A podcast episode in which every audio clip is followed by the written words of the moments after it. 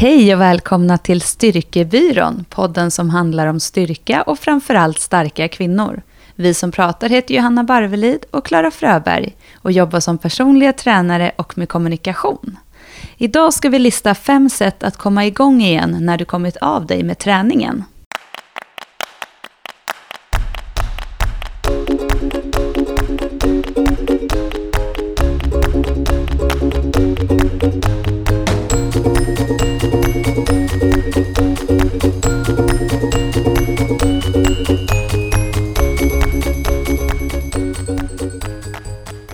Det kan finnas många anledningar att man halkar av banan.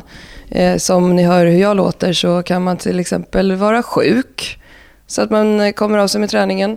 Det kan vara andra saker i livet. Det kan vara jobbstress, eh, man kan få skador. Eh, det finns ju hur mycket saker som helst som kan hända för att halka av banan och komma av sig med träningen.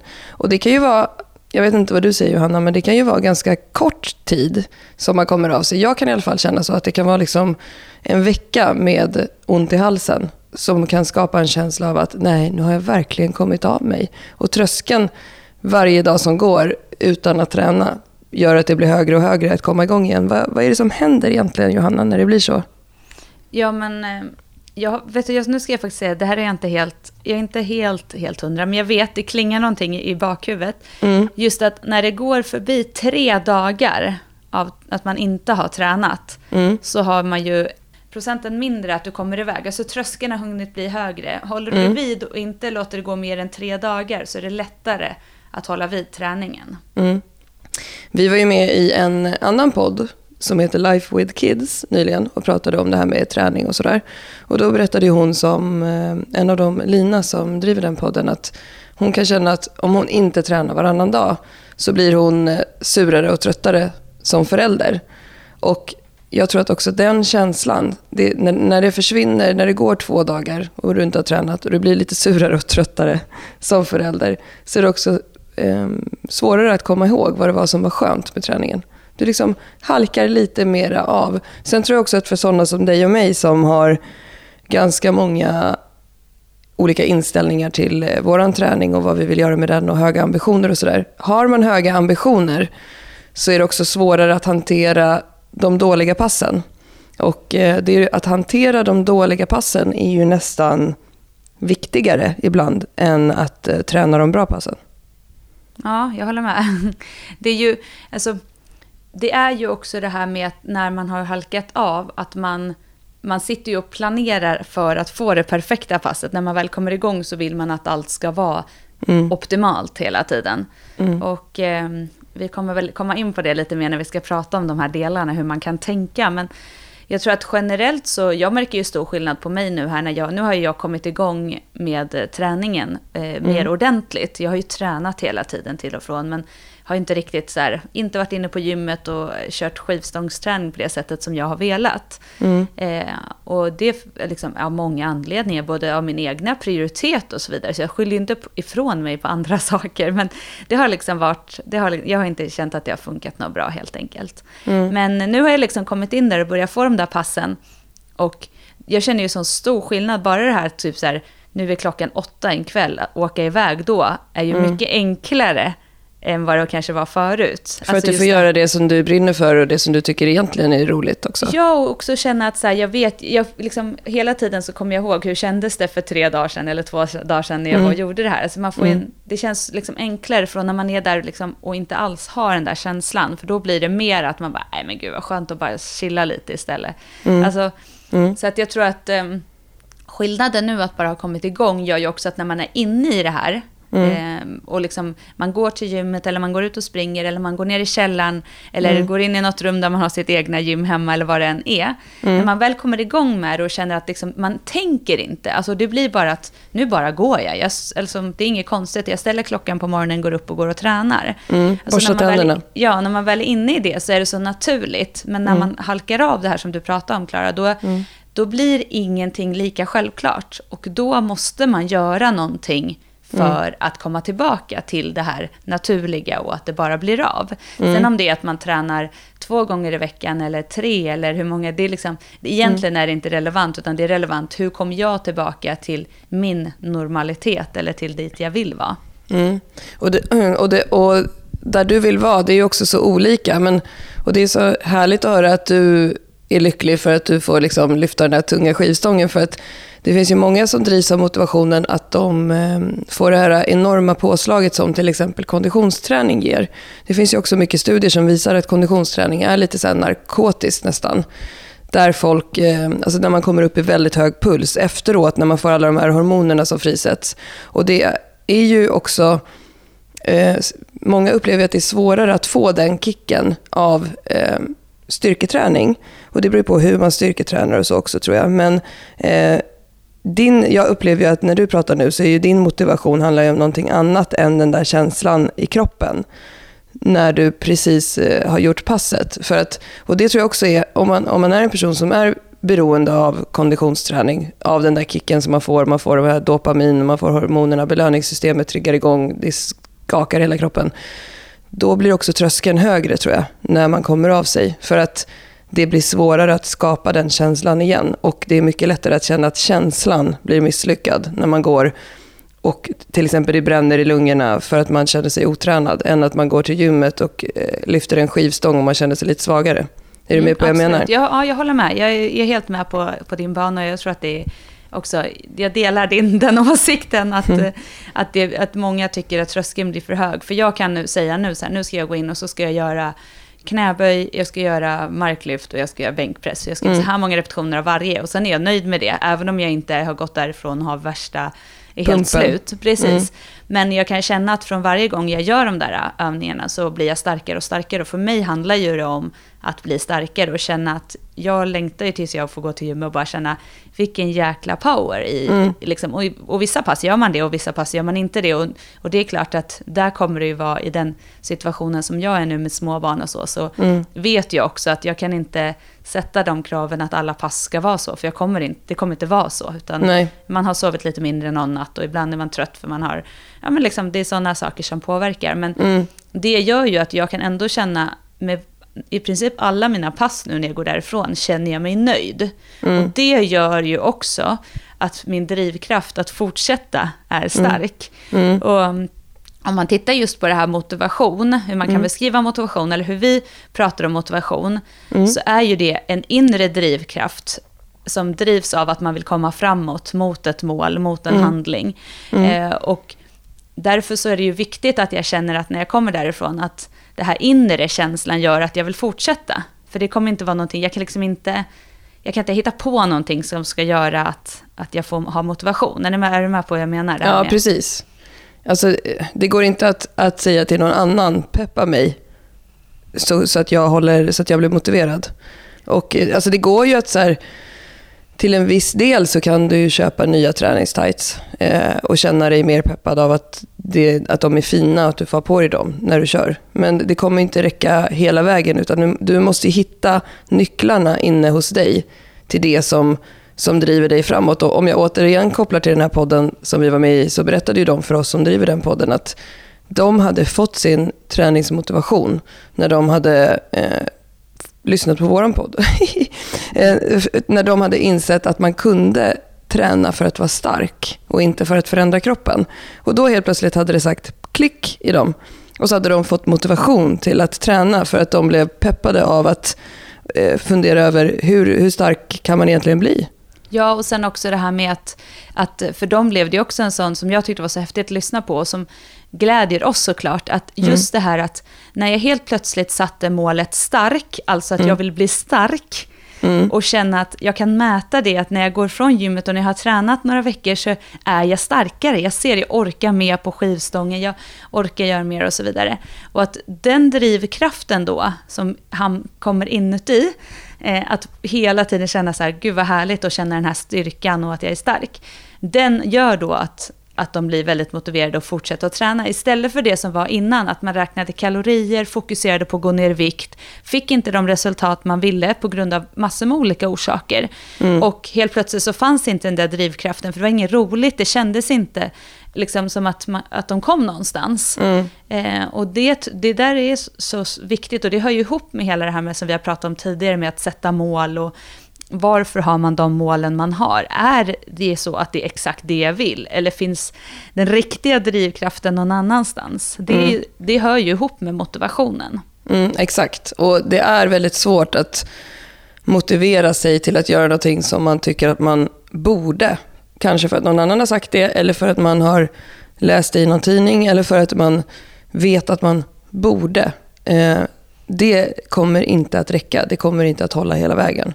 Eh, jag, jag, som många brukar säga till oss om löpning, jag såg det senast igår på Instagram, så var det någon som taggade oss, Johanna, och skrev att, eh, att hon hade lyssnat på våran, börjat lyssna på vår podd och insett att hon inte måste springa. Det, för oss är det helt bananas att folk går omkring och känner att de måste springa. Ja. Men många gör ju det. Alltså, ja. Eh, jag vet att jag borde springa, det är ju så bra. Men jag har ingen motivation, jag tycker det är så tråkigt. Nej, det är klart att du inte har. För du, du, liksom, du ser ju inget syfte med det. Men du tycker att någon har sagt att du borde. Och det är ju tyvärr... Tyvärr så är det ju så de allra, allra flesta känner med träning. Och tyvärr så är det ju därför de allra flesta inte tränar. Och jag läste faktiskt en, eh, en studie som kom för ett tag sedan. Som det är väldigt sorgligt faktiskt. Eller sorgligt, det är skittråkigt. Och då får man verkligen jobba extra med det här med motivationen. Men den visade att personer som är obesa, alltså personer som så pass övervikt att den liksom räknas som sjuklig. De får inte de här positiva hormonerna efter träning. Eh, alltså den processen i kroppen är, är mycket svårare att nå fram än vad den är för en person som är mindre. Eh, så de får inte de här positiva lyckokänslorna av träning. Och då blir det såklart ännu svårare att eh, motivera sig att göra det när liksom tröskeln är så enormt hög. Så det kan man tänka på också att de som gör en så här otroligt stor livsstilsförändring, vilken, kämpa kämpaglöd det ändå är när man ändå inte får... Alltså vet, många säger så här, men känner inte du det här? Du vet, man får efteråt, men liksom, man känner att man blir lycklig och man blir så glad. Alla gör inte det. Och då är det såklart att det är jättesvårt med motivationen.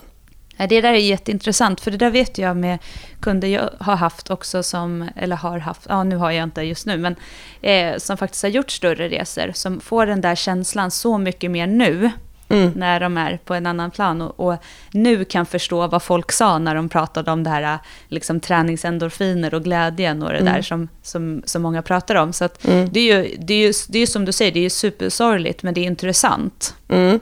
Det är intressant och det är viktigt att ha med sig om man jobbar med sådana personer eh, som, som för oss. Och att det är alltså, viktigt att folk vet om det, att det, det känns inte likadant för alla.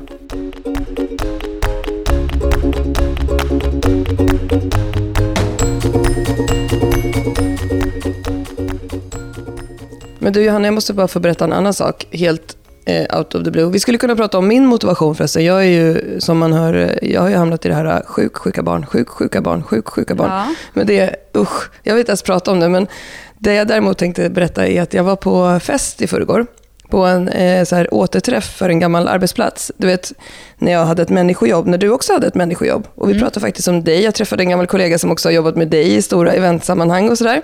Ja, vad roligt. Eh, men, och du och jag snackade lite kort efteråt och så berättade jag att, som det ju är, att när man jobbar med träning så vill alla prata om eh, sin träning och framförallt att deras träning inte blir av. Så att det blev lite faktiskt, jag blev lite trött på slutet av kvällen för att eh, alltså, att prata med 50 personer om att de inte tränar.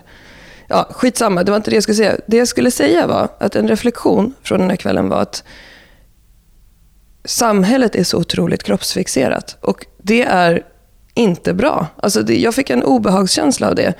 Nämligen, det här är människor som jobbar, som har liksom fina jobb, högt upp i karriären, folk i alla åldrar, men de är ofta högskoleutbildade. Ehm, eh, alla pratar om kroppar. Och just det här när man träffas igen och inte träffats på länge. Och jag fick ju höra väldigt mycket så här, att min biceps var så stor och att jag såg så vältränad ut och att jag har blivit så vältränad och data, data, data. Men, men andra människor också. Jag var till exempel där med en tjej som kör PT med mig, men vi har också jobbat ihop förut. Hon fick höra hela tiden, du har blivit så smal, du har blivit så smal. Och en annan gammal kollega där också, han hade också gått ner ganska mycket i vikt. Min första tanke var så här, oj, har det hänt något? Mår han inte bra? Ja. Men alla ska prata om kroppar. Alltså vad är det för fel på folk? Alltså kan inte folk bara få vara? Jag är inte intresserad av att prata om hur stor min biceps är. Jag tränar inte min biceps för att folk ska prata om hur stor den är. Och det är, så, och det är liksom så, det är den här känslan som när man är gravid och folk ska komma fram och prata om hur man ser ut och hur stor mage man har och hur, hur, hur får jag klämma och så vidare. Det är liksom så, och jag tror att det här är ju som sagt, det är vettiga vuxna människor. Jag, jag, som också tror jag har ett annat perspektiv och som dessutom jobbar med kommunikation där man liksom ändå alltid måste ha på sig ett lager av hur, vad, vad ger det här för signaler. Och sen så står alla där och pratar om kroppar. Är det inte sorgligt? Jo, alltså jag håller med. Det där är ju det är, det är jättesorgligt och det är ju klart att det är inte så att det är unikt med där du var då. Alltså, Nej, exakt. Generellt idag så pratar vi så mycket om kroppar och det är ju, det där är ju precis det som jag upplevde nu efter att jag hade fått Ludvig. Det här liksom mm. att jag ner, har gått ner väldigt, eller fort vet jag inte, men ja, jo, jag har gått ner liksom ganska många kilo och det har gått ganska fort. Jag gick upp ganska mycket i vikt under min graviditet. Eh, och det är så spännande hur det måste kommenteras hela tiden. Mm. Och, och som sagt, jag säger ju i princip alltid när jag får den kommentaren, ja fast jag känner mig inte stark. Alltså, mm. Jag känner mig, nu har jag börjat komma tillbaka den powern, men så länge jag ammade, jag känner mig urlakad. Det var inte ett tillstånd som jag trivdes i på det sättet. Nej. Men jag tror också att på något sätt så när jag försöker tänka så här, varför pratar man om det? För någonstans så tänker jag att ingen människa vill ju säga någonting i någon, en illa... Alltså jag tänker att man måste ha en positiv bild av människor. Mm. Att alla vill ju säga någonting för att det ska vara en positivt, alltså att man vill vara snäll mot någon. Mm. Alltså, I huvudet så tänker man så här, oj har du gått ner i vikt? Men gud vad du har blivit... Alltså, som att det skulle vara en positiv sak. Och kanske mm. för många kanske det är en jättepositiv sak. Men man ska tänka på att det är också för många väldigt laddat med saker. Så att det är liksom det är som att det är ett sätt att relatera till. Alla kan vi relatera till våra kroppar och därför är det så lätt att prata om det. Mm. Alltså ja. att det blir ett sätt att, så här, de vet så här, du jobbar med träning och så, ja, träning och då, då vill man liksom för att kunna börja få en kontakt eller prata så tar man ja, upp någonting. Precis. Men så det tror jag är en anledning till varför det blir träning. Och det är ganska spännande, för att det är, jag vet inte så många andra yrken där man sitter och tokpratar om det yrket. Alltså mm. det är mm. det som är spännande, för att det var inte så att förut när vi jobbade bara med kommunikation, om man tänker, det var inte så att när vi var på fester då så satt man och diskuterade om någon som skulle, typ som jag då, som jobbar med event, att man diskuterade någons bröllop och hur man skulle dekorera eller hur man skulle ha föreläsning. Alltså sånt diskuterade man ju inte, men jag tror att alla har ju en sån eh, relation på ett eller annat mm. sätt till träning och till sin kropp. Mm. Att man gärna vill prata om det. Mm. Så jag tror att det är den stora skillnaden. För jag har också tänkt så här, gud det är aldrig så att jag skulle börja sätta mig och prata så här, du så här och så här, nu är jag i den här situationen, typ med en jurist och bara, du hur kan jag tänka här, skulle du kunna hjälpa mig? Alltså, mm. att jag tror att det blir liksom, träning och kropp har många en så positiv eller negativ laddning till. Alltså ja. man har så mycket, mycket känslor till träning och kropp. Mm, men jag känner också att det, det är eh, ännu mer viktigt att vi som jobbar med träning fortsätter att eh, jobba med det budskapet som, som du och jag står för. Att träning är någonting som gör att vi ska klara av vår vardag. Träning mm. är någonting som ska göra oss starka, träning är någonting som ska göra oss skadefria. Eh, det, vi hamnade ju, jag visade det i en annan diskussion i sociala medier nyligen, där ett brödföretag just nu gör en kampanj för att eh, få folk att komma i form. Och det här har ju slagit väldigt fel. Därför att dels är det ju ett brödföretag. Alltså de gör ju bröd. Varför ska de hålla på och säga till folk att folk ska träna? Och sen så säger de ju till folk att de inte är i form.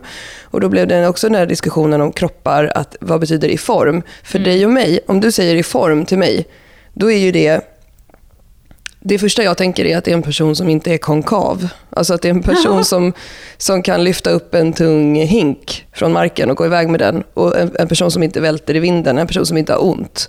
Medan för de allra flesta så relaterar de ju till kroppar. Och eh, att en kropp som är i form är smal. Eh, och det är det här vi måste jobba med att få bort. Att liksom, det går att se ut hur som helst och vara stark. Och vi ser ju om och om igen exempel på det. När vi jobbar med träning så kan ju vi träffa de här eh, tjejerna som ser sjukt vältränade ut och har sådana här ådriga axlar. Eh, men du kan inte lägga en skivstång på dem, för de är inte starka. Och sen kan du se åt andra hållet, tjejer som ser ut som vem som helst eh, och som tycker själva att de behöver gå, lite, gå ner i vikt eller vad som helst, som är superatletiska och, och drar 90 kilo i mark. Så att vi måste fortsätta jobba med rätt budskap och, ehm, och jag tror att ehm, brödföretagen ska inte hålla på och försöka hetsa folk att eh, träna. Nej, men och jag tror att när man tittar på den, för jag satt faktiskt precis innan du nämnde det så satt jag precis och tänkte på den också. Mm. Just när man pratar om det här med kroppen och hur man ska, eller hur man ska se ut. Och mm. just att man har rätt att prata om andras kroppar tydligen. Liksom. Mm. Just det här att som de budskapet, att använda ord som i form. Ja. Alltså det är ju det är så här hål i huvudet, men det där är ju med, alltså det är ju inget konstigt att de gör det egentligen, för att så ser det ut vart du än tittar. Alltså Tittar du på löpsedlar så handlar det om kom i form med, eller mm. alltså vi pratar ju hela tiden om att komma i form och det begreppet känns så förlegat. Mm. Alltså för att många har en så negativ eh, relation till komma i form. Mm. Men om man försöker säga så här, vad innebär komma i form? Som du sa, mm. för mig att komma i form, det handlar om att typ känna att jag kan ha grädde i gröten, för att det är den powern jag behöver för att orka vara mm. stark. Alltså, mm. Så jag tycker att det är, om man pratar om i form, då måste man vara ganska tydlig. Vad menar vi med när vi säger i form? Mm. För att jag tycker inte att ett företag som säljer bröd ska skriva det utan att vara tydliga med att de kanske faktiskt menar det handlar om att röra sig. Alltså, mm. vi, att, att vi inte rör oss idag, det är ju ett problem. Det tycker jag, för det är många som skriver i de här diskussionerna mm. då såklart att vi har ju ett häls ja, och att den här hälsohetsen, men vi har ju ett problem, så vi måste ju röra på oss. Ja, det kom alltså, också en ny undersökning förra veckan eh, som uppdaterades eh, med två extra timmar, att svenskarna sitter sitter ner i snitt 9-10 timmar per dag.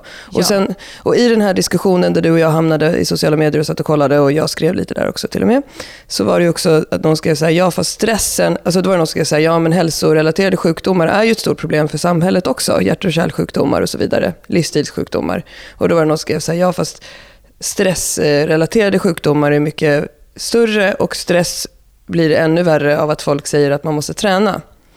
Eh, och det, så kanske det också är. Men och det här är jäkligt svårt. Alltså. För till exempel om man tittar på hela den här body positive-rörelsen.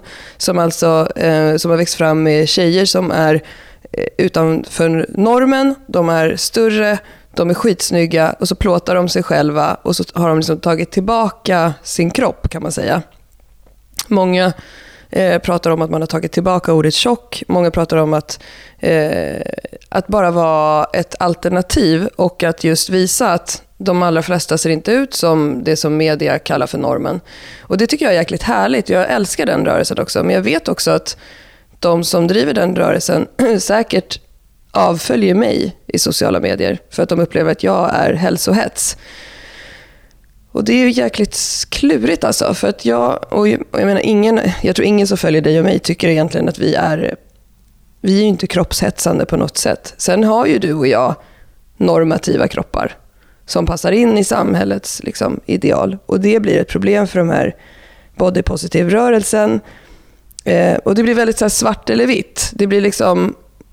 Alltså, som att vanliga tjejer som inte finns på Instagram och som inte ser ut som någon träningsperson, om de uttrycker glädje, träningsglädje så tycker bodypositiv-rörelsen att de är eh, hjärntvättade av samhället. Och vi som jobbar med träning, det är knepigt Johanna. Jag vet det är inte. superknepigt, men jag tror att och det är inget som man kan så lösa heller på att så här, vi pratar om det i en podd här heller, men jag tror Nej. att det är viktigt att dels vi som jobbar med det mm. eh, och att man liksom i största allmänhet funderar på hur man uttrycker sig till människor när det handlar just om andras kroppar. Mm. Alltså, och hur man, liksom, ja, men hur man agerar. Mm. Sen så, så tror jag att det kommer liksom, vi kommer fortsätta skrivas om att komma i form. Men man kanske ska börja så reflektera över bara, men vad innebär form egentligen? Alltså jag mm. tänkte först när jag såg det här att det var något så här, ordvits, typ för att det är ett brödföretag och att man gör bröd Formbröd. i någon typ av form. Ja men du vet så. ja. Sen när jag började läsa det så var det så här, och då tycker jag också att så här, det är helt onödigt att använda de uttrycken. Ja men de vill ju att vi ska stå i brödhyllan och så ska jag säga, jag ska välja bröd och så bara, aha men då väljer jag ju det brödet för att mm. då, det är ju nyttigare. Mm. Det är så nyttigt liksom, bladi bladi. Men som någon skrev i det här kommentarsfältet att när kan man få se ett brödföretag som gör en så här långsam åkning över en smörgås med en klick smör på och bara, mm. som man blir jättesugen på att äta. Det är ju det de, alltså, Så gjorde man ju förr. Då var det ju Ja. liksom så här, langa upp två li- limpskivor och så smörade på, la något pålägg och käkade Mm. typ i njutning. Ja. Och, och det är ju inget problem att langa upp de mackorna och njuta av dem heller. Och det, ja, det här skulle vi kunna ägna ett helt Ja. avsnitt åt själva också. Men, men min reflektion från, eh, från festen i förrgår, kan vi inte bara låta kroppar vara? Nej men Eh, jättebra. Jag tycker mm. det är som du säger, vi kan prata om det. Men vi lämnar, eh, Ja, vi- vi lämnar det. det. Och eh, Går in som på sagt, motivation ni får igen. jättegärna sen kommentera och kanske är det så att vi ska ha ett helt avsnitt om hälsohets.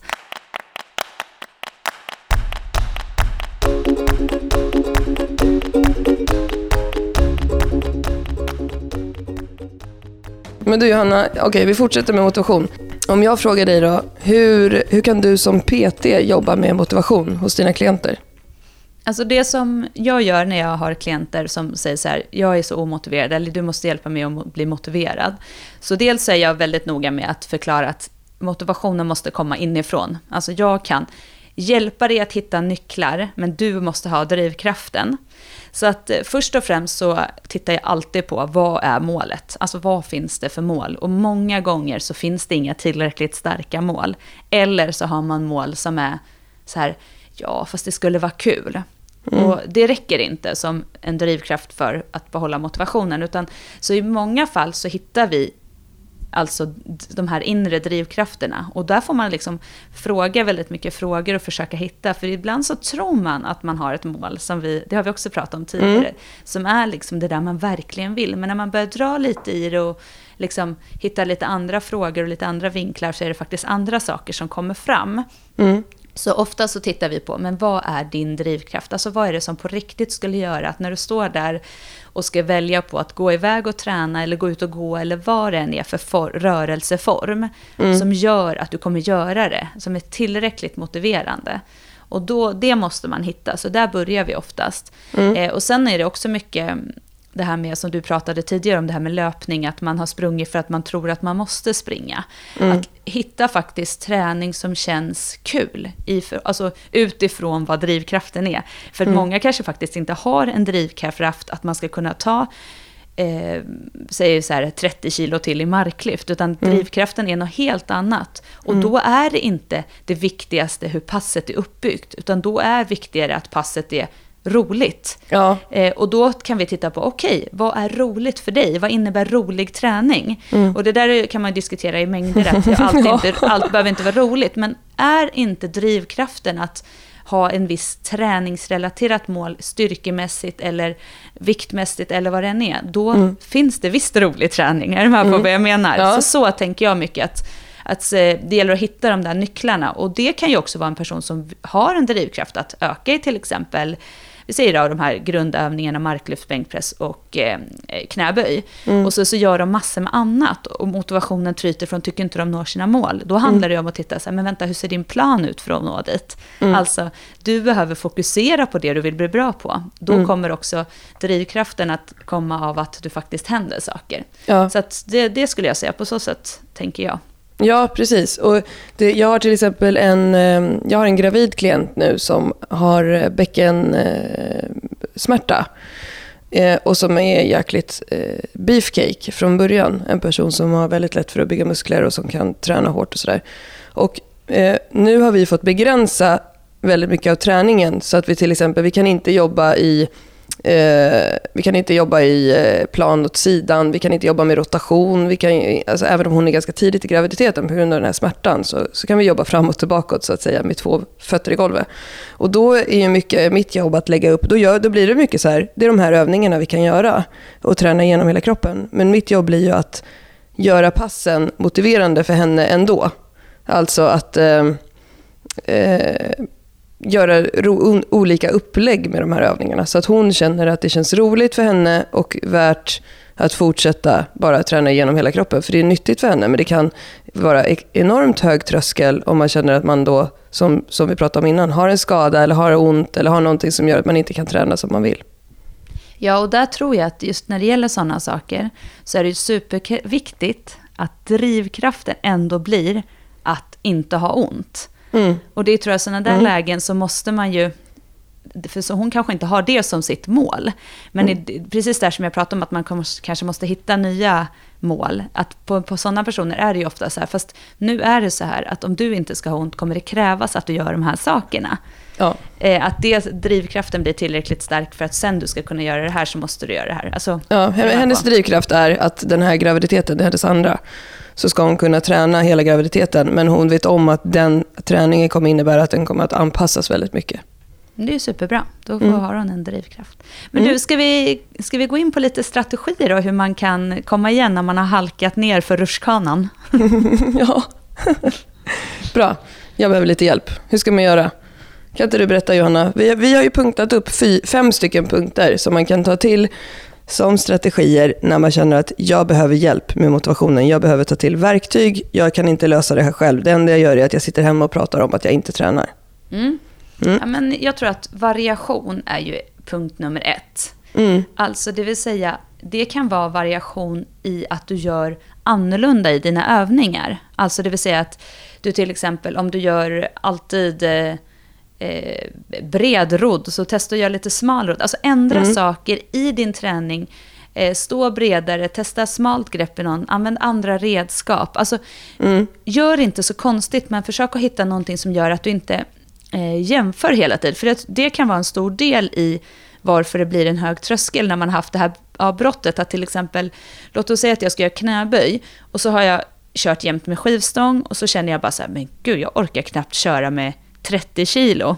Mm. Att istället då kanske köra med två kettlebells och inte få den här äh, jämförelsen med tidigare, utan att jobba med kettlebells ett tag och sen så går du tillbaka och kör skivstång när du är igång igen och då kommer de där 30 kilona kännas precis lika bra som de gjorde innan du blev sjuk. Eller, mm. alltså, så att man varierar redskap, fotisättningar, bredd mm. på händer och så vidare. Gör mm. chins med, gör, om du vill göra chins och du har varit sjuk och du inte kan göra liksom med handflatorna ifrån dig, nej men gör med handflatorna emot dig då, för oftast mm. är vi lite starkare där, du kanske orkar två med det greppet eller, ja. Mm.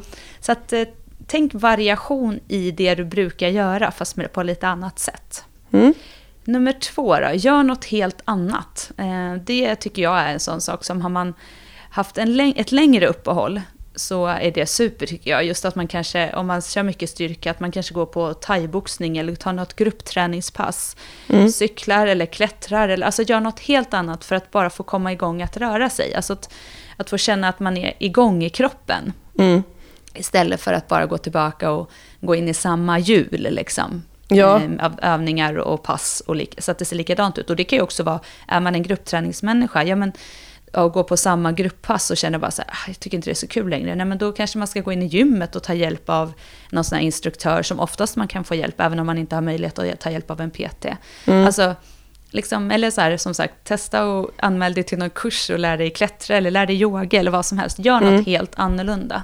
Mm, det gör ingenting. Alltså, det går att komma ifrån målet ett tag. Det är faktiskt bara bra. Och det, oftast, ofta kan det också göra att man känner så här, men gud, jag, jag är faktiskt stark. Eller jag kan faktiskt haka på på det här passet. Eller oj vad klättringssätt eller stora krav på lederna och greppstyrkan. Jag kanske ska gå tillbaka till gymmet och träna lite extra greppstyrka. Så att jag kan fortsätta med klättringen för att den är rolig. Det blir som en krydda. Så man behöver krydda innan man kommer igång med sin andra träning. Ja, och eh, just att, vad heter det, att man, man kanske tycker där och då att man, det här gör att man kommer längre ifrån sina mål. Fast egentligen så kommer man närmare dem för att du kommer dels få andra saker som gör att din kropp blir starkare eller liksom bättre eller rörligare eller vad det än är. Mm. Så att det kommer ge en skjuts sen när du kanske då väljer att gå tillbaka till att göra det som du kanske vill göra egentligen i grunden. Eller så är det så att du inser, men gud det här är ju det jag drivs av. Vem vet? Du kanske mm. inte hade mm. tillräckligt starka drivkrafter i det du gjorde innan. Du kanske ska hålla på med pole dancing istället? Ja. ja. Men punkt nummer tre då, minimalisera, Klara. Ja, den kan jag relatera till. Um, det, den har vi ju tagit med lite som att ta bort allting runt omkring och fundera över vad som är viktigast. Men också så att det kanske räcker om jag bara gör det här, för det är faktiskt bättre än att jag inte gör någonting. Eh, för mig har det funkat till exempel de perioder då jag har kört det här GVT, det här tyska German Volume Training. Då gör man två övningar per pass. Att välja liksom, okej, okay, eh, jag, måste, jag får helt enkelt eh, strunta i det här med aktivering, rörlighet, eh, ditten och datten, assisterande på det sättet. Alltså, du och jag är ju experter på att bygga upp avancerade träningspass. Nej, men jag kommer bara göra huvudövningarna i fyra veckor. Knäböj, marklyft, bänkpress. Två stycken per pass. Det räcker jättebra. Att just också tänka, vad är, eh, vad är det viktigaste för mig? Och så göra bara det. För det är bättre än att du inte gör någonting. Och här får man ju hitta också, nu när vi pratar om motivation. Är jag den här personen som ska testa något helt annat? Är jag personen som ska testa variation? Nej, men jag kanske är personen som bara ska minimalisera och ta bort det överflödiga och bara göra de här grejerna. För det kommer att sätta igång mina processer. Det kommer att sätta igång min motivation. För jag kommer känna att jag måste nog lägga till lite assisterande övningar och så bygga upp det successivt istället. Ja, och sen återigen som vi pratade om tidigare, att det är viktigt då att eh, bestämma det så att när man går ifrån passet är man nöjd. Alltså mm. inte att man går dit och tänker så här, fasen jag skulle kanske ha gjort lite assisterande övningar, jag orkade då egentligen det. Mm. Utan var nöjd. Jag kör ju det där, det där, det där är ju verkligen den punkten som jag tog, när, om man säger när jag började komma igång nu. Det var så här, jag ska gå till gymmet, jag ska göra marklyft, rodd och good mornings. Mm. Punkt. Eh, mm. jag gick dit och gjorde det, gick hem och kände mig skitnöjd och stark och jag orkade och liksom och hade jag kört ett sätt med assisterande övningar också med kanske lite, att man får lite puls, för att det får man ofta som jobbar i en cirkel, även om det inte är puls, pulsövningar. Mm. Att liksom, jag skulle förmodligen varit ganska sliten, för att jag kanske inte riktigt är där jag är idag. Mm. Och då skulle jag ha svårare och tröskeln skulle vara högre till nästa pass. Mm. Men nu är nästa pass, fasen idag ska jag köra frontböj, jag ska köra raka mark och sen så ska jag kötta två stycken eh, rodövningar. Typ mm. Alltså, så mycket enklare för mig att gå dit. För att jag tror att går man bara dit och inte har en plan, mm. blir det svårt. Mm. Och när den då är så tydlig så är det ju lättare att få till det. Och mm. det är lättare att gå dit igen. Mm. Bra.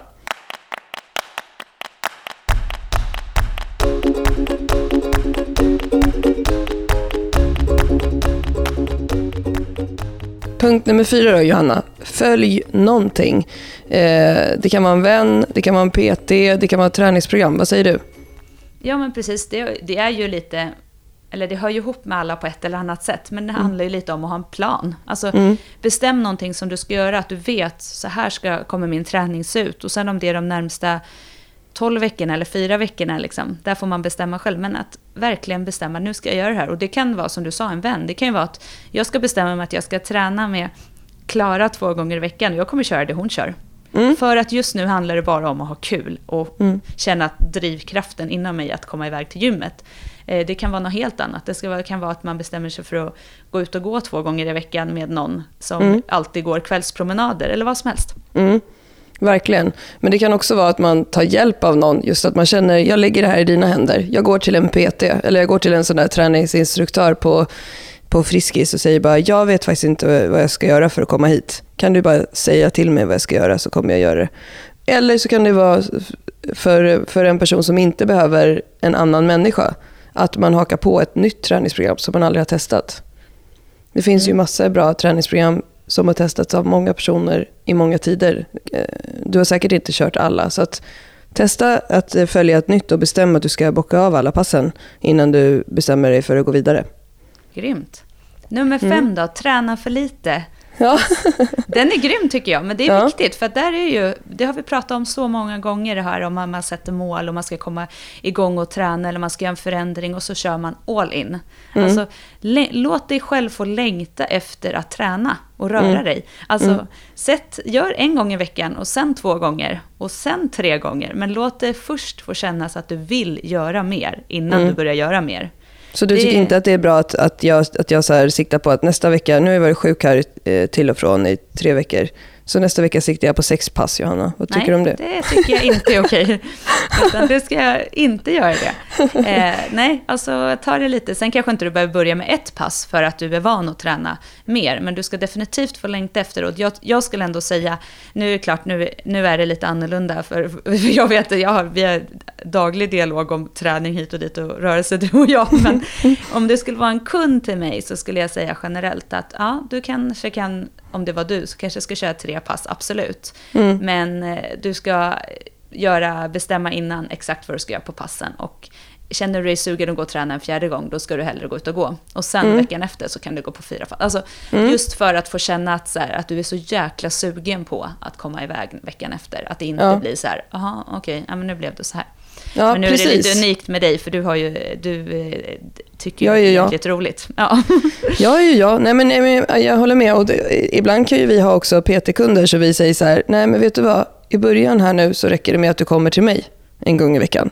Gör ingenting annat. För att eh, det kommer att vara, ehm, det är den motivationen den här personen behöver. Man kan läsa av det ganska fort att om den här personen gör det en gång i veckan en period så kommer det ge jättefint resultat. Men om den här personen ska också ta på sig att lösa det själv en gång i veckan till så kan det bli en stress och då kan det bli negativa tankar kring det här. Men en gång i veckan i början med en PT kan ju göra underverk för jättemånga tills man helt plötsligt står där en dag på gymmet och inte ens tänker på att man gör det som att man borstar tänderna.